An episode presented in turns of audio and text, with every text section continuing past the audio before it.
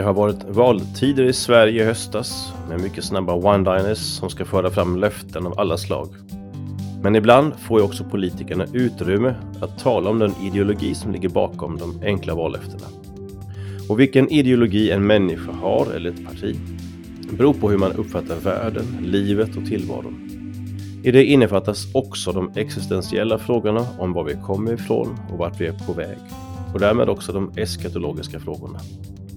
En som har arbetat mycket med detta är Mårten Björk, forskare i teologi vid Lunds universitet, kopplad också till universitetet i Oxford. Jag hoppas att vårt samtal idag ska få bidra till att stärka det kristna hoppet.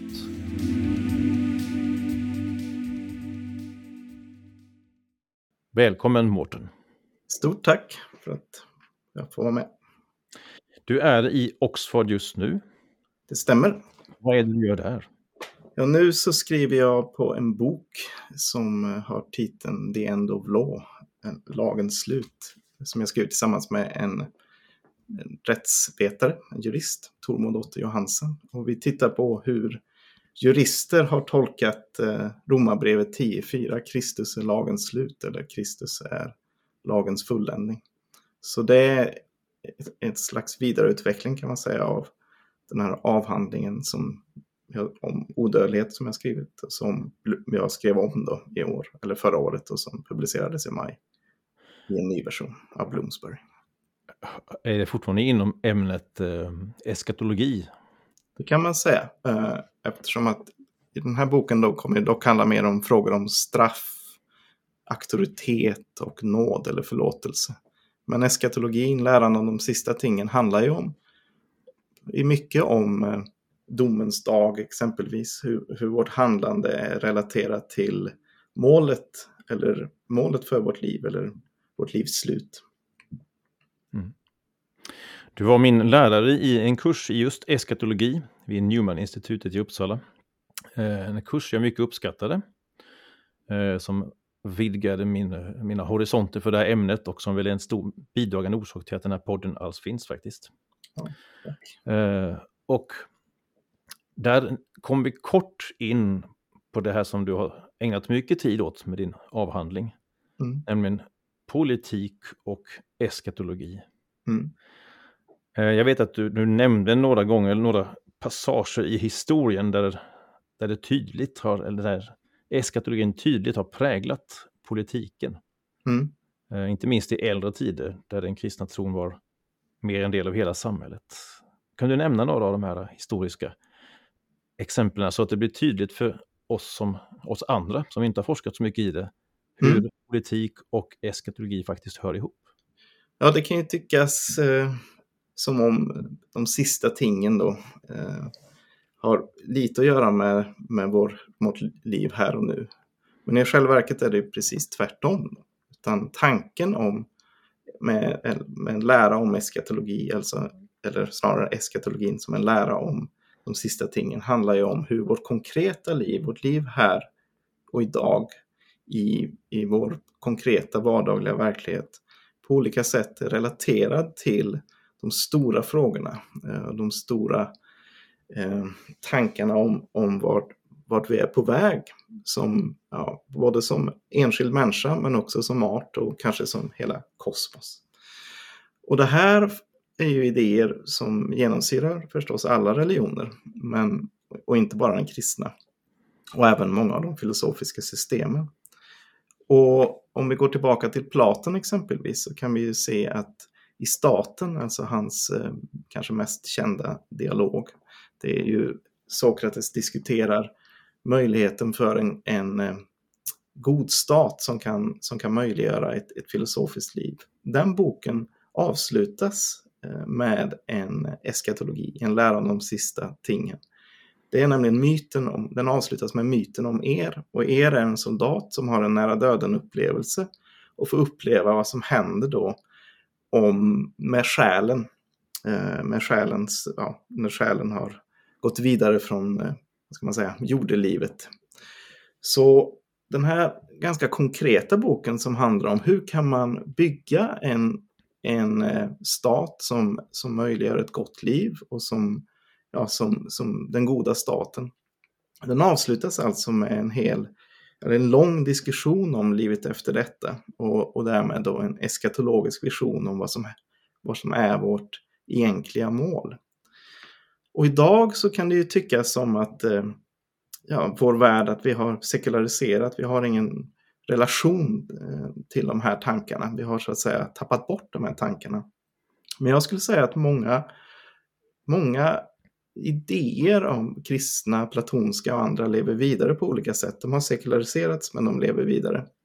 Vi kan exempelvis se det nyligen när Saudiarabien bestämde sig för att lägga många miljarder på forskning om livsförlängning, alltså life extension och en slags ett hopp om att man ska kunna leva ett längre liv. Och det här vittnar om en, en syn på livet och döden där livet handlar om att, att överleva, man ska leva så länge som möjligt och man ska så att säga undvika döden. Men döden är förstås någonting som är omöjligt att undvika i slutändan. Och döden öppnar hela tiden upp för frågor om finns det något efter? Eh, efter livet eller efter döden? Eh, bortom döden kanske man kan säga, eller bortom livet. Och det öppnar också upp frågor om vad är meningen med det här livet? Så eskatologi handlar just om de här gränssituationerna mellan livet nu och det som är bortom livet. Eller vad vi då kan anta är bortom livet. Det här rör ju de existentiella frågorna verkligen, alltså om, döden och, och ja, vad som kan hända efter döden och sånt. Men jag vet ju också att en del av eh, de eh, eh, historiska aspekterna av eskatologin, alltså jag tänker nu på eh, tankarna om tusenårsrike, om eh, Kristi återkomst och allt sånt också, det har ju präglat en del politiska drag i historien. Och idéer vet jag ju. Absolut. Eh, det är ju tankar som på olika sätt har levt vidare. Och en forskare som Carl Löwit, en filosof som skrev en bok som på engelska heter The Meaning of History, diskuterar just, han, han ser så att säga um, rörelserna då under 1900-talet. Han var en jude som tvingades fly från Tyskland. Men han såg nazismen men även kommunismen och liknande rörelser som en form av sekulariserade former av, um, ja, av en slags kristendom som fokuserar på det här tusenåriga riket och som ska komma innan, innan jordens, ja, innan, innan undergången, innan tidens slut och jordens undergång. Så för honom så fanns det då en sekularisering av vad som ofta kallas för messianska föreställningar. Alltså den judiska tanken om att det ska komma en Messias. Och inom kristendomen och judendomen och även förstås islam så kan man ju se olika rörelser som pendlar mellan en mer eh, ja, en mer eller mindre messiansk inriktning på historien. Augustinus skrev ju exempelvis eh, Guds stad mycket för att, man kan väl säga för att eh, ehm, försvara, å ena sidan försvara en, en tanke på historiens slut, att det finns en mening med, med eh, historien, men också för att eh, få de kristna att inte längre identifiera exempelvis romarriket med, med historiens mål eller med Kristi rike. Eh, så Guds stad handlar ju om att han beskriver, han beskriver mänsklighetens historia helt enkelt och han redogör för två städer, världens stad och Guds stad. Där världens stad styrs av, man kanske kan kalla det för självkärlekens logik, medans eh, Eh, Guds stad styrs av kärlekens och förlåtelsens och nådens logik. Och de här två olika kärlekarna tillhör då två olika städer, två olika gemenskaper. Men för Augustinus så, är så kan så Guds stad kan bara ges till oss utifrån. Det kan vi bara så att säga sträva efter men vi kan aldrig realisera det självt utan vi kommer alltid leva i, den, i, i världens stad tills tiden har tagit slut. Men det finns också en del politiska ideologier, nu tänker jag på marxismen, mm. som jag tror att, att, marxismen är präglad av tanken på ett, eh, ett, tusenårsriket, att, men att vi själva ska försöka uppnå det på något sätt. Alltså att det är egentligen samma grundtanke som ligger bakom. Kan det stämma? Det är många som hävdar det i alla fall. Karl Övigt mm, hävdar det, menar det. Och ehm, ja, det finns både så att säga marxister som, som menar att man kan ja, att man ska se och läsa eh, marxismen som en del i en lång uråldrig strävan efter jämlikhet och, och att man vill använda sig av eller man vill legitimera sina förhoppningar utifrån olika läsningar av de bibliska texterna och så vidare. Och men, tänkare som eh, Theodor Adorno och Walter Benjamin och Max Horkheimer och andra har på olika sätt försökt använda sig av messianska idéer och, och, och ofta bibliska idéer då för att försvara Eh, Eh, en slags utopisk föreställning om ett, eh, ett, en rättvis värld. Men sen så är det förstås många då som har kritiserat marxismen, så som Lövet exempelvis, men också ja, men högertänkare, konservativa tänkare som Oswald Spengler. Oswald Spengler beskrev eh, kristendomen är marxismens mormor, tror jag han skrev i en bok som heter Avgörande år. Jag citerar kanske inte helt korrekt, men något sånt. Och, och då vill de då ifrågasätta den här tanken, den här förhoppningen om, om ett kommande rike.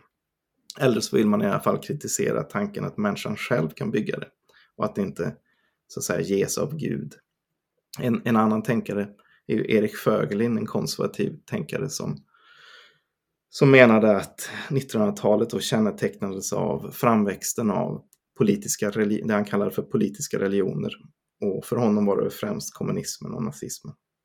Och han såg, han såg bägge de här rörelserna som just en form av sekulariserad eh, ja, messiansk föreställning om, om tus, det tusenåriga riket.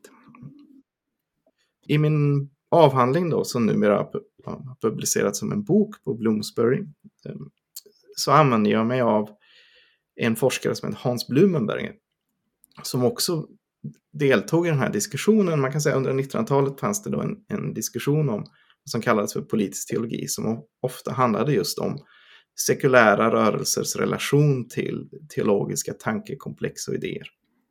Carl Schmitt menade exempelvis att alla statsvetenskapens begrepp är sekulariserade teologiska begrepp. Kan du ge något exempel på det? Ja, han, hans exempel var undantagstillståndet. Statens undantagstillstånd som vi såg under pandemin användes ju ofta för att upphäva olika eh, typer av rättigheter. Inte i Sverige men, men i andra delar av, av världen.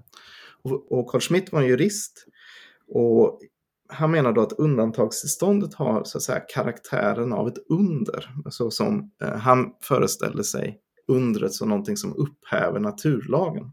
Så det var ett exempel. Eh, men eh, ett andra e-, exempel är ju de här ja, men marxismens ehm, förhoppning om ett, klasslöst rike eller en klasslös värld. Det kan ju också då ses som en sekulariserad messiansk föreställning om ett tusenårigt rike. Men en forskare, eh, filosof, historiker som kritiserade den här tanken var då Hans Blumenberg. Han skrev en bok som heter De legitimitet der Neuzeit, alltså den nya tidens legitimitet. Och han menar att det är såklart att vi kan se vissa strukturella och historiska paralleller mellan förmoderna religiösa idéer och moderna, ofta sekulära tankar. Men vi måste fokusera på vad han ser som ett brott. Och det här brottet då är att vi inte längre fokuserar på på Gud i, i vårt tänkande. Så politiken, staden, är, är inte längre strukturerad efter det gudomliga. Det är inte längre strukturerad efter någonting transcendent, alltså någonting som överskrider människans horisont och liv. Utan de religiösa idéerna och de politiska idéerna börjar mer och mer bli fokuserade på vad som är immanent, alltså vad som är internt inom eh, människans liv och inom människans horisont. Så Blumenberg skulle säga att vi kan absolut se strukturella och historiska likheter mellan så att säga ja, messianska bibliska berättelser om det tusenåriga riket och liknande. Och mer moderna sekulära politiska rörelser som marxismen eller nazismen eller, eller ja, liknande rörelser. Men skillnaden är att de här rörelserna fokuserar på det här livet. Och i min bok så tittar jag då på hur ett antal judiska kristna tänkare mellan 1914 och 1945 återvänder till eskatologiska tankar och just tankar om odödlighet och evigt liv för att ifrågasätta en värld där livet bara ses som det här livet, det här livet här och nu. Var det här några eh, stora namn på den tiden? Jag har, jag har din bok här framför mig, The Politics of Immortality in, alltså tre namn här då, Rosenzweig, Bart och Goldberg. Ja, Bart, Karl Bart är ju ett stort namn, men de andra två, var det, alltså var det en stor debatt, offentlig debatt, eller var det inom vissa kretsar? Ja, de här tänkarna, Frans Rosenzweig och Karl Barth, eh, anses ju nog av många vara men, två av 1900-talets stora eh, tänkare. Och Karl Barth var ju en reformert eller kalvinist, teolog, uppväxt i Schweiz, eh, men verksam då länge i Tyskland. Och fick till sist, ja, han blev utvisad av nazisterna. Och är en av de absolut, ja, en av de största 1900-talsteologerna. Frans Rosenzweig är kanske inte lika känd, men han är ändå en, en av de största judiska tänkarna och många sätt en av de riktigt stora filosoferna under, under, ja, under 1900-talet. Han dog ju redan eh, 1929. Och den tredje tänkaren då, Oskar Goldberg, var viktig under 20-talet och 30-talet, men han och hans krets glömdes bort under, ja, efter andra världskriget. Men eh, Frans Rosenzweig läste honom och många av de, ja, de stora tänkarna, eh, bland annat den tidigare nämnde Carl Schmitt, läste Goldberg. Men han glömdes bort. Och i avhandlingen hade jag också en, en fjärde eh, mindre känd katolsk teolog, Erik Petersson. Och tanken var då i avhandlingen att titta på två så att säga erkända, eh, ja, större, mer, pop, mer omskrivna mm, teologer som Karl Barth och Franz Rosenzweig, alltså en tysk och en judisk. Och sen, eller förlåt, en kristen och en judisk. Och sen två mindre kända kristna och judiska teologer. Då. Men i, i boken för Bloomsbury så av olika anledningar så valde jag att fokusera bara på Rosenzweig, Barth och Goldberg. Om du skulle ge någon karaktäristik av den här debatten de, mm. de hade mellan den sekulära versionen av odödlighet och den kristna, eh, hur skulle det låta? Ja, judiska då i det här fallet. Ja, det. Jo, det jag tittade på var helt enkelt, det var, de här föddes, ja, Rosenzweig föddes 1886, samma år som Barth föddes och Goldberg föddes 1885. Och så de föddes mitt under det som brukar kallas då den andra industriella revolutionen, så den moderna världens genombrott, det vill säga ja, framväxten av en industriell värld på bred front så att säga. Och de levde och var verksamma i större delen av deras liv då i Tyskland och Tyskland var ju en stor, modern, industrialiserad nation. Eh, och de genomlevde, eller Goldberg och Barth genomlevde både första och andra världskriget. Eh, Rosenzweig var ju soldat under första världskriget men dog 1929. Men det, de, det som intresserade mig med de här tre tänkarna var att de alla när de diskuterar evigt liv och när de, när de beskriver odödlighet börjar diskutera, eh, ja, de försöker ge ett svar på frågan vad är ett liv? både i biologiskt eh, hänseende men också utifrån ett mer existentiellt eller kanske kulturellt perspektiv. Och när de gör det så gick de i dialog med sin tid. Och det här var en tid, eh, speciellt i Tyskland men inte bara i Tyskland förstås, där darwinismen på olika sätt hade politiserats. Så man hade en, en stark socialdarwinistisk rörelse som fokuserade på livet som någonting som i slutändan kunde reduceras till survival of the fittest. Och survival of the fittest eh, tolkades då väldigt snävt som, som eh, ja, den, den starkes överlevnad helt enkelt. Och den starke identifierades med den som på olika sätt hade makt. Och de här tänkarna, det var inte så att de ifrågasatte egentligen darwinismen eller ens det, det här moderna eh, ja, den moderna biologins livsbegrepp. Eller Goldberg gjorde det i och för sig. Men det de gjorde var att de försökte använda sig av sina religiösa teorier och speciellt, eller religiösa traditioner och de här traditionernas teorier eller tankar om det eviga livet för, för att försöka om, för att försöka ställa frågan om, om livet och det levande verkligen helt och hållet då kan reduceras till den här kampen för överlevnad. Och de säger alla nej. Och de försöker då med hjälp av teologin, med hjälp av tanken om, om det eviga livet och odödligheten säga att livet är någonting som tycks överskrida sin materialitet, som tycks överskrida sin historicitet och tycks överskrida sin, ja, sin plats här och nu. Det tycks vara ett begrepp som är nästan omöjligt att definiera, för det är någonting som är relaterat till det levande, det subjektiva, snarare än det objektiva och det döda.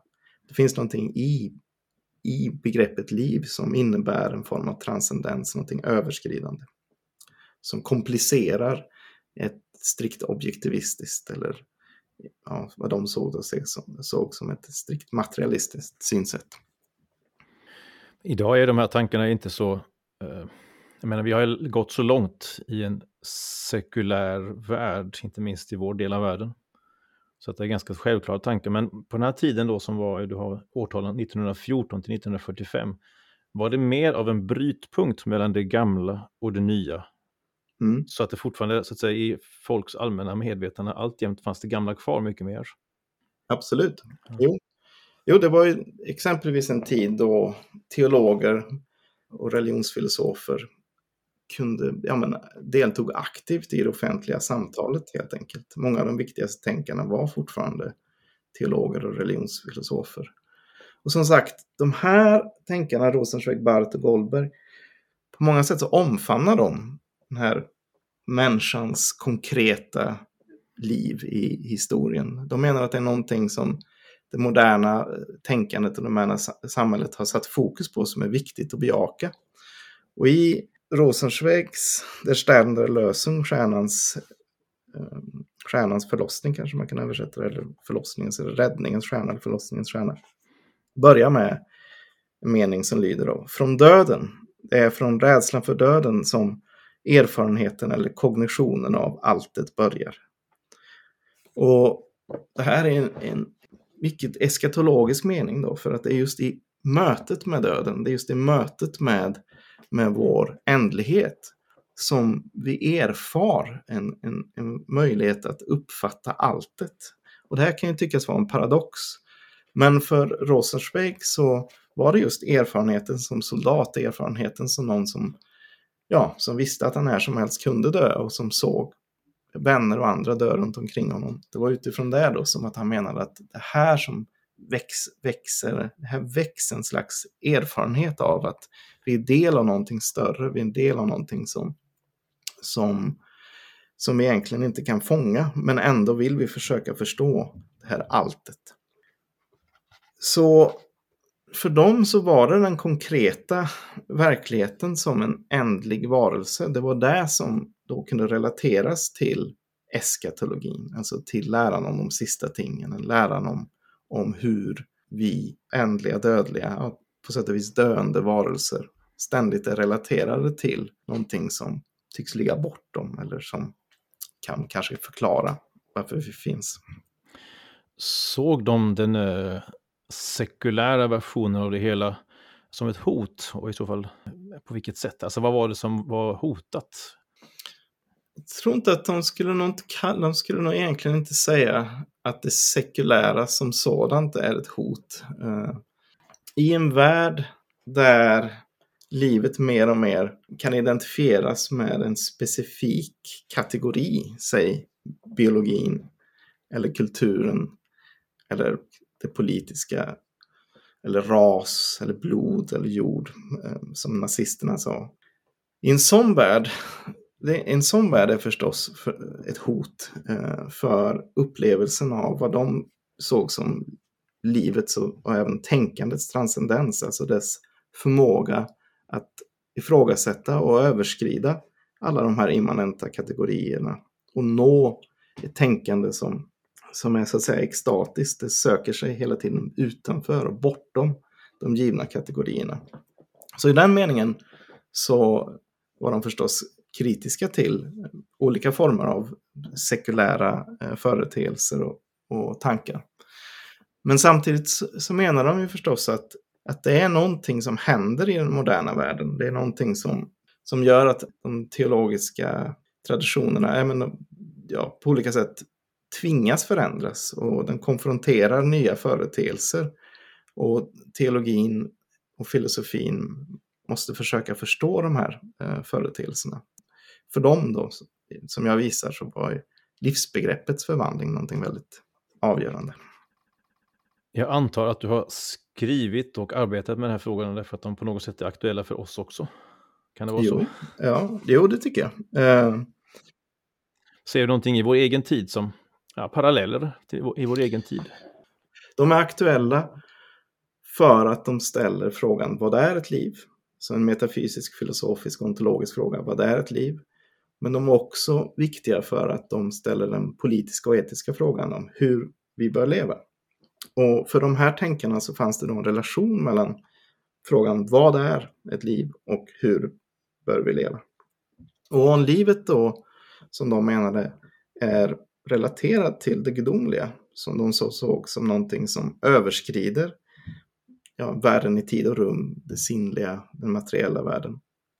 Och det finns någonting med livet, med livets subjektivitet, transcendens, alltså just den här känslan av att det levande inte bara är ett objekt, inte bara ett biologiskt materiellt objekt, utan någonting som har åtminstone en känsla av att vara någonting mer. Om den känslan är avgörande för att förstå vad, vad som är ett liv, så måste vi också så att säga se att den känslan är relaterad till hur vi respekterar eh, andra levande varelser.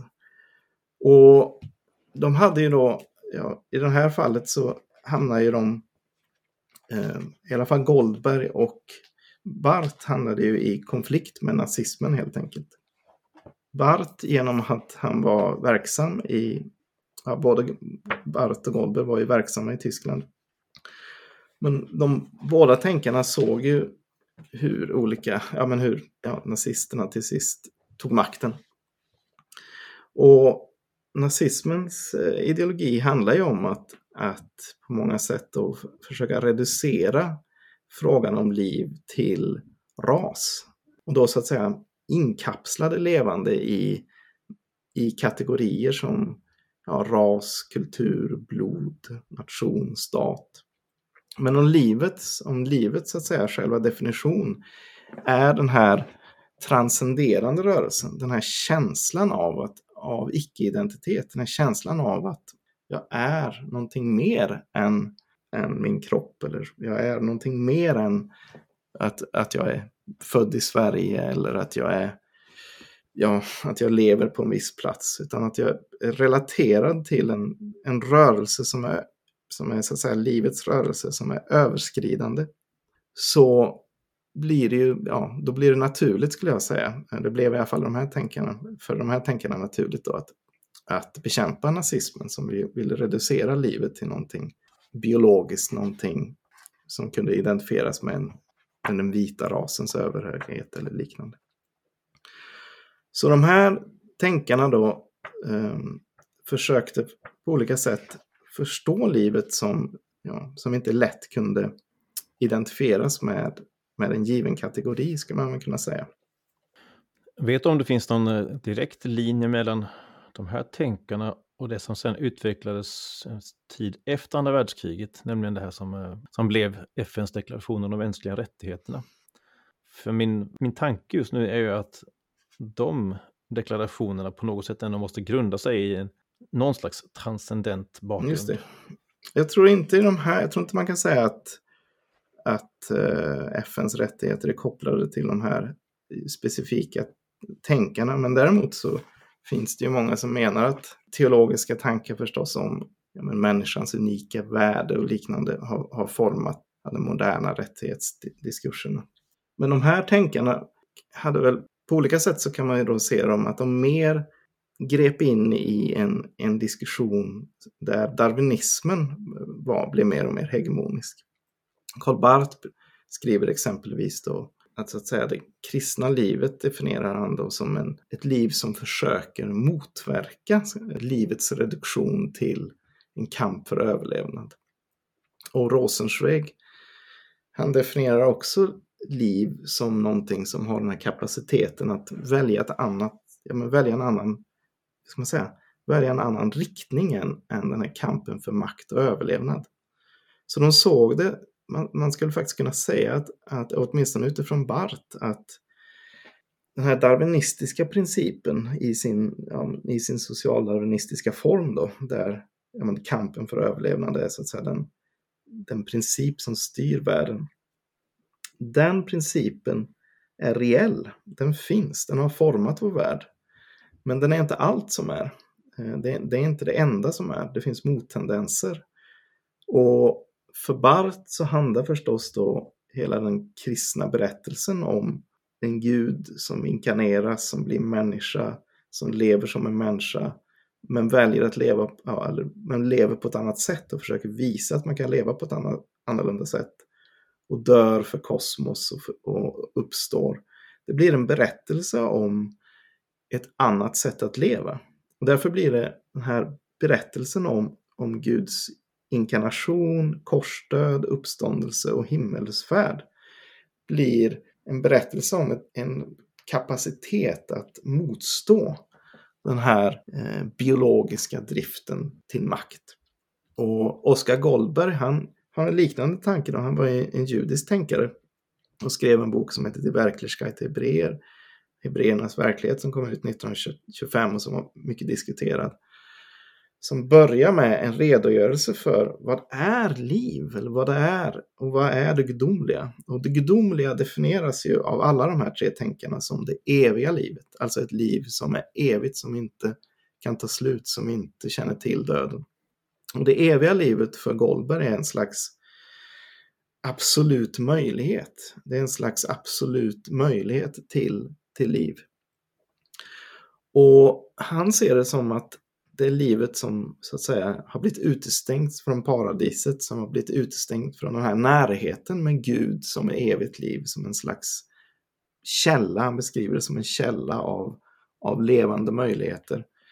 Det är ett liv som naglas fast vid världen och som kastas in i en historisk rörelse som han beskriver, han, han använder ordet katastrofal.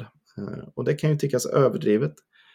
Men när han skriver den här boken så 1925 så har han och hans krets faktiskt redan börjat diskutera de miljöproblem som vi ju idag, eh, som många diskuterar. Så en vän, eh, Adolf Kaspari, som var en ekonomisk historiker och jurist, han skrev en bok som kom ut 1927 som heter Die Maschinenutopi, Maskinutopin, som var en kritik av Sovjetunionen men också av det kapitalistiska väst. Så det var en kritik både av eh, den sovjetiska kommunismen och den, det kapitalistiska väst.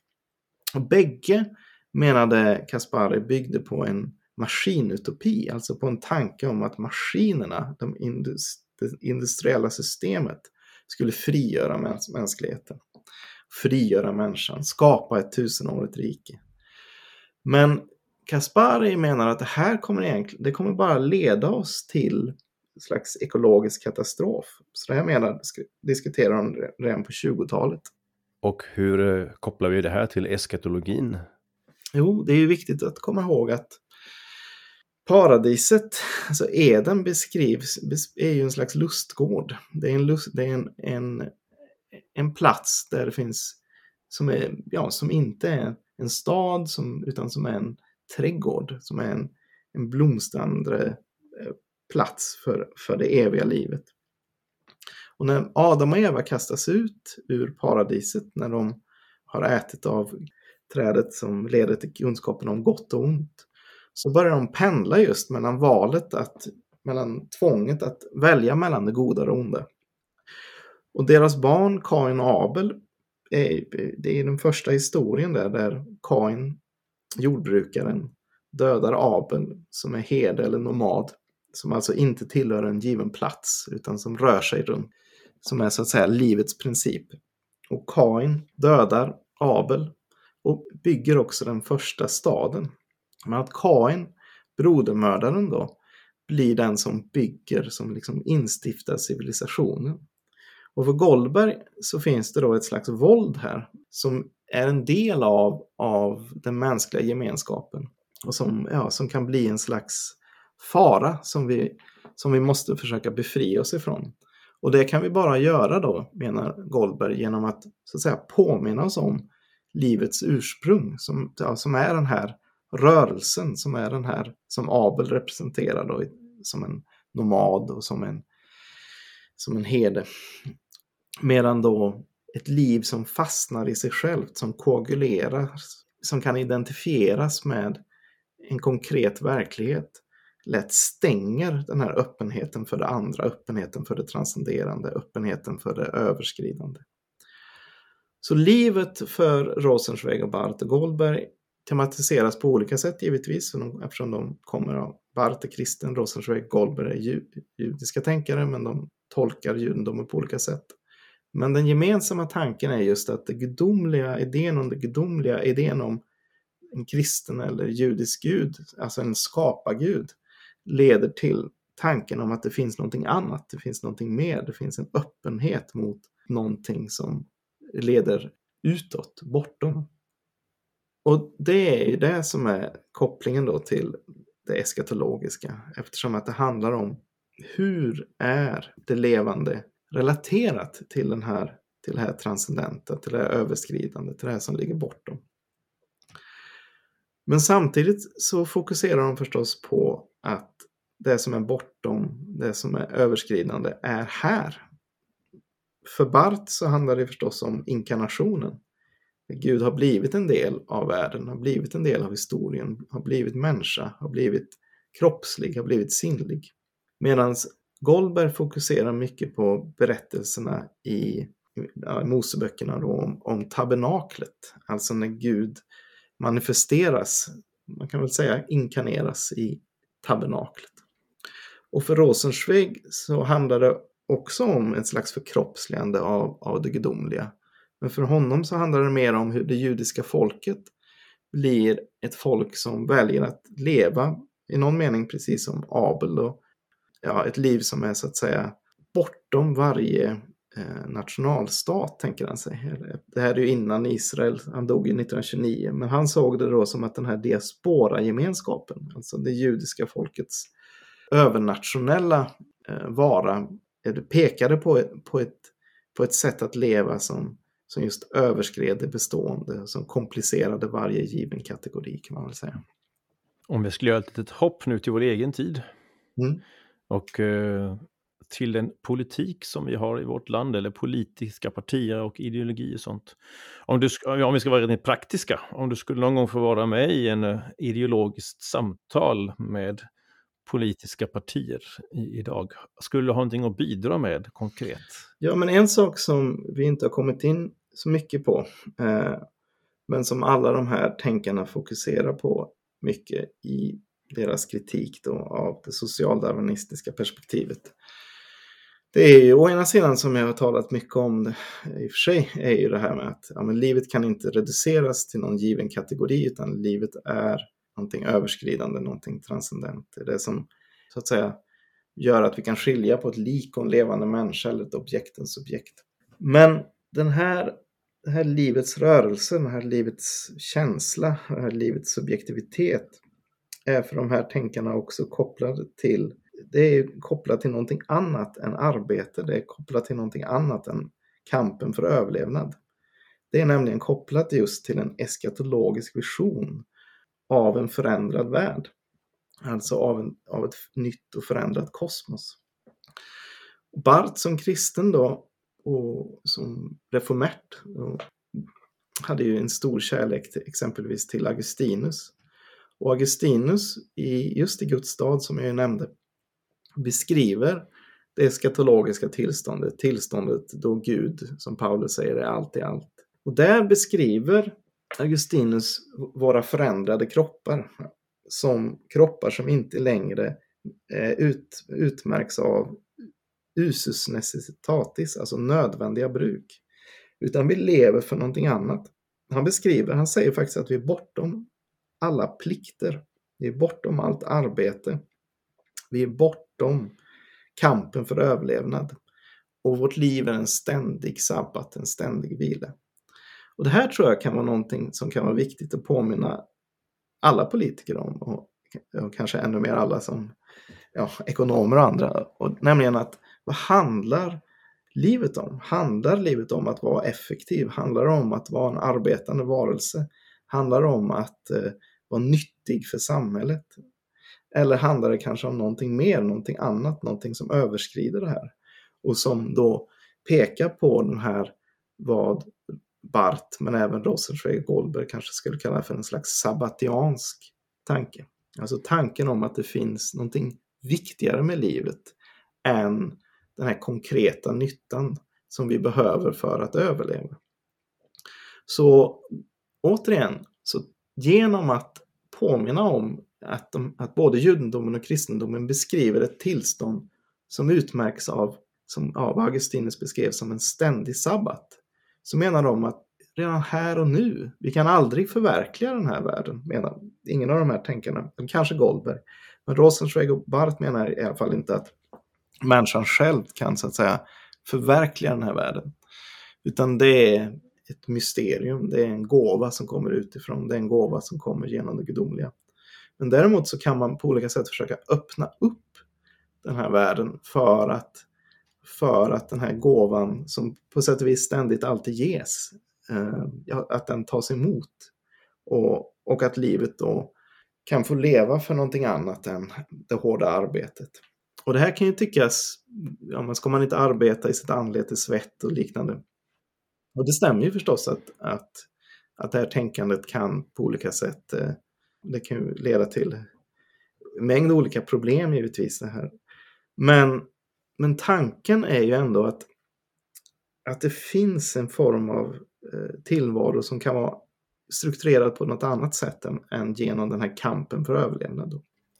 Men hur föreställer sig de här tänkarna eh, att den här sabbatsvilan skulle förverkligas? Vi kan ju knappast tänka bort tillvaron som den är efter syndafallet. Fallet är en berättelse där, ja, där Adam så att säga förbannas till arbetet eh, och där Eva ska föda barn på, ja, i, på ett sätt som är farligt helt enkelt. Så att själva produktionen och reproduktionen, själva den mänskliga överlevnaden, är helt enkelt kopplad till faror, till eh, problem, till döden, till dödens verklighet.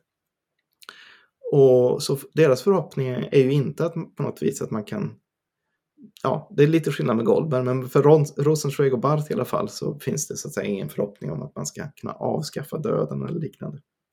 Men det handlar mer om att skapa ett samhälle där, där människor kan få, möj, ja, kan få en slags möjlighet att smaka på den här sabbatianska, den här vilan, den här sabbatianska tillvaron, kontemplationen som de hoppas att, att eh, himmelriket ska innebära. Det sägs ju ibland att eh, politiken idag saknar visioner och bara fokuserar på att lösa ja, de mest akuta problemen egentligen. Eh, har vi någon förhoppning om att de här existentiella visionerna på något sätt kan få komma i förgrunden igen? Jag tror nog att, det, att den möjligheten finns ifall teologer, filosofer och, och med teologer och filosofer så menar jag alla som är intresserade av teologi och filosofi, verkligen inte bara akademiker, utan alla som har ett intresse för de här frågorna. Om de, så att säga, om, om alla de människorna börjar tala om, om de här frågorna och börjar kanske till och med försöka leva efter dem, så tror jag att, att saker skulle förändras. Och det är ju viktigt eftersom vi vet ju att, att livet faktiskt inte kan reduceras till en kamp eller till en kamp för överlevnad. Vi har ju alla erfarenheter av vila, lycka, lek, eh, ja, kontemplation, på olika sätt ja, erfarenheter som öppnar oss mot, er, ja, som, som är erfarenheter av någonting som överskrider den här kampen. Och jag tror att vi alla har en, en tanke om att det goda livet är någonting som just inte innebär ett hårt arbete eller en kamp, utan som har den här öppningen för de existentiella frågorna. Så jag tror, jag tror på allvar att, att de här ja, människor som ställer de här frågorna och på olika sätt försöker besvara dem, att det kan förändra vår värld. Jag tror det får vara vårt slutord här för vår tid börjar närma sig sitt slut ja. här ser jag. Ett stort tack mm. Mårten för att du tog tack tid med detta. Det var väldigt trevligt.